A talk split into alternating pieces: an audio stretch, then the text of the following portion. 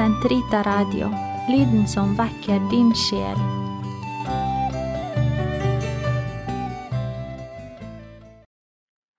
Velkommen tilbake til denne podkasten om tro og vitenskap. Frem til nå har vi i denne podkasten sett på det historiske forholdet mellom tro og vitenskap de siste århundrene. Jeg har brukt mitt spesialfelt, sommerfuglene, for å belyse hvordan dette forholdet på mange måter har beriket hverandre opp gjennom historien. Men i siste episode rundet vi av med å se litt nærmere på hvordan den moderne vitenskaps fremmarsj har utfordret den kristne tro, så å si i dens grunnvoller. For det er ikke til å skjule at Kirken nok har et mer positivt forhold til den moderne vitenskap enn omvendt. I dag betraktes ikke tro og kirke som en like ut fra vitenskapen, men snarere som en overlevning fra tidligere tider, et relikt som stille og rolig burde få dø ut. Den moderne vitenskap proklamerer at Gud er død, eller rettere sagt at han ikke finnes, at han aldri har eksistert, bortsett fra i menneskenes fantasi. Det proklameres med største sikkerhet at siden vitenskapen i dag med stor sikkerhet kan forklare universets opprinnelse fra det berømte Big Bang, og i denne tilblivelsesprosessen var det ikke behov for noen skapende guddom, ja, så kan han ikke eksistere. Guds påståtte eksistens eh, blir derved forklart som psykolog, en psykologisk konstruksjon som mennesket har kommet opp med for å døyve sin egen angst for sykdom, ulykke og død, og til dels for makteliter for å underbygge og utøve sin egen makt. Forklaringsmodellene vil variere litt etter hvilken brille man leser historien med, men de har alle det til felles at de levner Vår Herre liten eksistensberettigelse. I disse vitenskapsmodellene vil religionen følgelig være en ren menneskelig konstruksjon som høyden kan ha en moderne begrunnet eksistensberettigelse som kultur- eller moralbærer, men som også kan vurderes som skadelig eller farlig fordi den kan holde mennesket fanget i ufrihet og foreldede etiske og moralske forestillinger. I ethvert tilfelle vil religion og religiøsitet dypest sett være uforenlig med fornuft og vitenskap, og enhver sameksistens vil fra vitenskapens side kun bæres av toleranse, og ikke fordi det foreligger en ekte respekt eller et håp om gjensidig berikelse. Denne anskuelsen kan vi kalle vitenskapstro, altså en nærmest dogmatisk forståelse av vitenskapen. Denne vitenskapstroen synes å være bunnsolid, og mange kristne har enten følt på å lide nederlag, eller har sågar mistet sin tro i møte med den. Men ser vi nærmere på denne, så har den flere forhold som må påtales. Det første er at den er en, et uttrykk for en positivisme, og er egentlig temmelig naiv verdensanskuelse som vi tidligere har sett grunnstøtet. Vitenskapstroen uttrykker en brav tro på at man har funnet det endelige svar, og at det ikke er så mye nytt å finne grunnleggende sett. Denne optimismen har vi også sett i tidligere tider, f.eks. på 1600- og 1700-tallet, med troen på altet nærmest som et urverk, en mekanikk. Datidens vitenskapsmenn trodde opprinnelig, eller oppriktig, at de hadde avdekket det som var å finne i verden. Og man vet jo hvor mye som har blitt oppdaget siden den gang. Det andre grunnleggende spørsmål henger sammen med en manglende vitenskapelig ydmykhet. Uavhengig av alle store, imponerende oppdagelser er det et fundamentalt spørsmål om hvor mye man kan si med absolutt sikkerhet om hendelser som ligger milliarder av år tilbake i tid. Det forhold som ofte forsvinner på veien fra forskning til publisering i populærvitenskapelige artikler, er det faktum at alle våre teorier om fortidens hendelser i bunn og grunn nettopp er teorier og hypoteser. Det andre er at vitenskapstroen sliter med en logisk brist, nemlig at det forutsettes at alt det har oppstått av seg selv fra intet. Rent logisk må vi anta at alt som finnes, samtlige byggestener til alle atomer som finnes og som sammen bygger opp vårt univers, må ha kommet fra noe. Vi må ha et opphav, og vitenskapstroen kan ikke forklare dette fundamentale punkt nemlig selve tilblivelsen av universets materie, det stoff som alt er blitt til ved. Tilsvarende kan man si med liv og bevisstheten. Overgangen fra kjemi til biologi, fra rent kjemiske reaksjoner til prosesser til liv, er ikke forklart. Ei heller hvordan livet kunne utvikle seg til menneske, med hele sitt følelsesregister, bevissthet og intelligens. Denne vitenskapstro er også reduksjonistisk, noe som betyr at den reduserer sin forståelse av virkeligheten til det efterprøvbare og menneskets liv til det som kan oppleves. Dette ser ved første øyekast rimelig ut, men ser vi nærmere efter blir det for tynt. Mens det er åpenbart at naturvitenskapene forholder seg til det etterprøvbare, så holder ikke dette når vi snakker om menneskets sinn. Ditt og mitt følelsesliv, vår bevissthet, ja, vår sjel, er så mye, mye mer enn tall og formler. Mennesket er i sin fylde så uendelig mye mer enn et dyr, og det er åpenbart for alle som er villige til å se.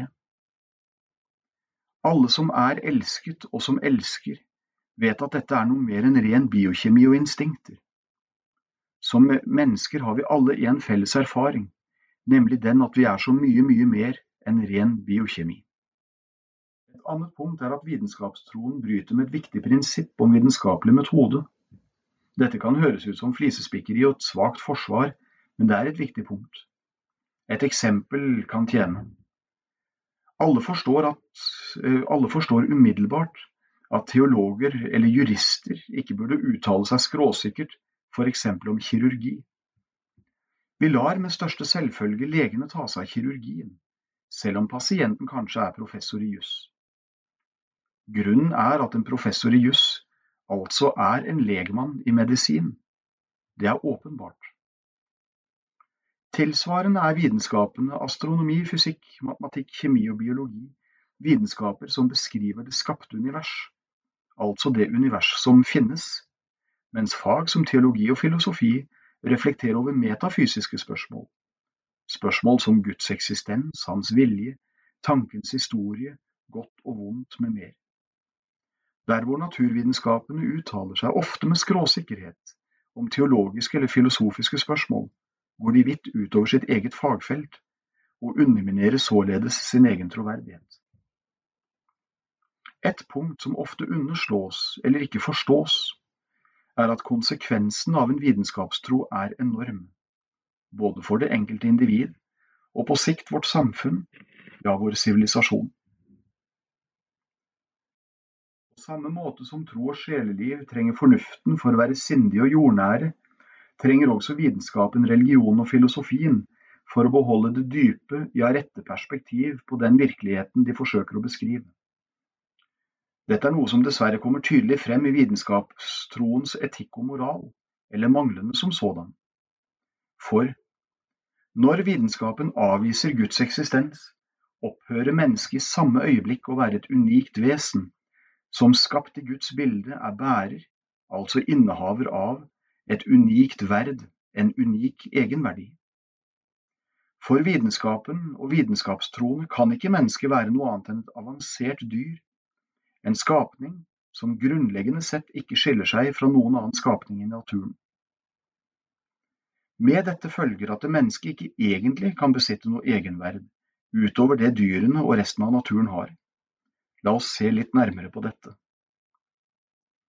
Følger vi Darwins evolusjonslære, den som vi drøftet i forrige episode, er mennesket Homo sapiens med sine ulike varianter kun en art i slekten Homo, altså menneskeslekten. Vi er den eneste nålevende arten i denne slekten, for de siste av våre nærmeste slektninger døde av ukjente årsaker ut for noen tusen år siden. Litt fjernere er våre nærmeste nålevende slektninger å finne blant menneskeapene, f.eks. sjimpanser og gorillaer og enda fjernere er vi slekt med alle pattedyr. Som vi ser, er mennesket kun én art blant andre arter. Dette har store konsekvenser for hvordan vi tenker om oss selv og hverandre. Dette til følge har mennesket ikke noe verd eller egen verdi.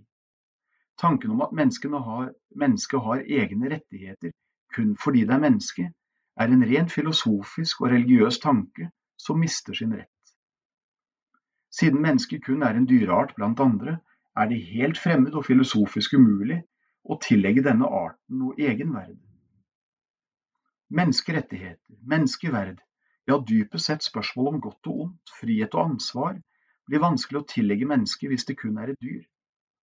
godt nok intelligent og utrustet med dypt følelsesliv, men dog kun et dyr. Det eneste som forblir, er den sterkestes rett. Dette kan høres søkt ut, men vi kjenner fra vår nærmeste historie en rekke eksempler på hvordan livet og menneskelivet, hvor lite menneskelivet blir verd i systemer som har forkastet troen på menneskeverdet. Når denne episoden leses inn, skriver vi april 2021, og flere partier har nettopp vedtatt å utvide grensen for selvbestemt abort, og ett parti sågar til uke 22. I dag er grensen uke 23 for overlevelse for for tidlig fødte barn. Hva er det som har skjedd? Mange av de politiske partier i Norge har i flere år hatt et ganske distansert, og for ikke si kjølig forhold til Den kristne kirke, og kristen etikk har ikke fått prege partienes programmer. Følgelig har heller ikke tanken om at ethvert menneskebarn er bærer av et ukrenkelig menneskeverd fra unnfangelsen av, fått prege partienes tenkning. Det vi nå ser denne våren 2021, er hvordan menneskets verd og livsrett degraderes i møte med andre sterke hensyn, eksempel kvinnenes rett til selvbestemmelse. Og vi ser hvordan en mangel på etikk vil lede til at man i verste fall, fra samme fødestue, kan sette alt inn på å redde ett barn som er ønsket, mens et annet, bare noen få dager yngre, bæres inn på et kjølerom for å dø alene fordi det var uønsket. Er det dette vi vil? Vil vi ha det slik? Jeg tror ikke noen ønsker det. Men det viser hvor viktig det er at etikk, altså vårt grunnlag for hva vi mener er riktig og galt, er forankret utenfor oss selv. Den kristne etikk, som forankrer menneskets verd i Guds bilde og ønske, er det eneste som holder menneskelivet for hellig og ukrenkelig. De ulike partienes abortvedtak denne våren viser dette med all tydelighet. En annen konsekvens av vitenskapstroen er at det menneskets liv dypest sett er meningsløst utover det å føre livet videre. I denne anskuelse har ikke mennesket noe evig liv. Døden er den endelige og totale utslukkelse av personens bevissthet. Dette betyr at all den glede, lykke, betydning, rikdom og med videre som mennesket opplevde i livet, opphører, ja ender fullstendig i døden. Følgen av dette blir at det blir rimelig å spørre om noe som helst i livet kan ha en egentlig, en reell verdi, når dette uansett opphører i døden. Moralen blir i grunnen spis og drikk, for i morgen skal du dø. Konsekvensen av dette kan vi kun ane. For alle samfunnets tanker om menneskeverd, nestekjærlighet, solidaritet, omsorg, rettferdighet, fred osv. vil her kun være konstruksjoner. De vil kun være produkter av tidligere tiders religiøst betingede normer. Og med overvinnelsen av religionen faller den etiske begrunnelsen for alle disse bort. Dette betyr at de kan endres eller fjernes hvis man ønsker, og at den eneste reelle norm som finnes er makt.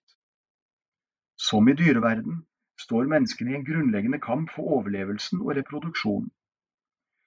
Det er som nevnt tidligere i denne anskuelse ikke noen fundamental forskjell på oss og andre pattedyr, vi bare fører vår kamp med mer sofistikerte midler. Dyrenes kamp med klover, horn og muskler er hos oss erstattet med kropp, sexappeal, mote, style, helse, sjarme, økonomi og suksess. Men kampen er i bunn og grunn den samme, retten til å føre genene videre. I vitenskapstroen møter vi altså en reduksjon av mennesket. Storhet og enestående stilling som et gudvillet vesen avfeies som en konstruksjon, en illusjon som bygger på tidligere tiders uviten.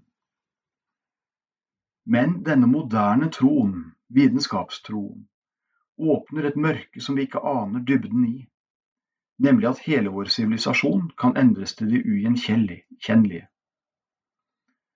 Hvordan den kristne tro er et troverdig og helende alternativ til dette, vil vi se nærmere på i neste episode.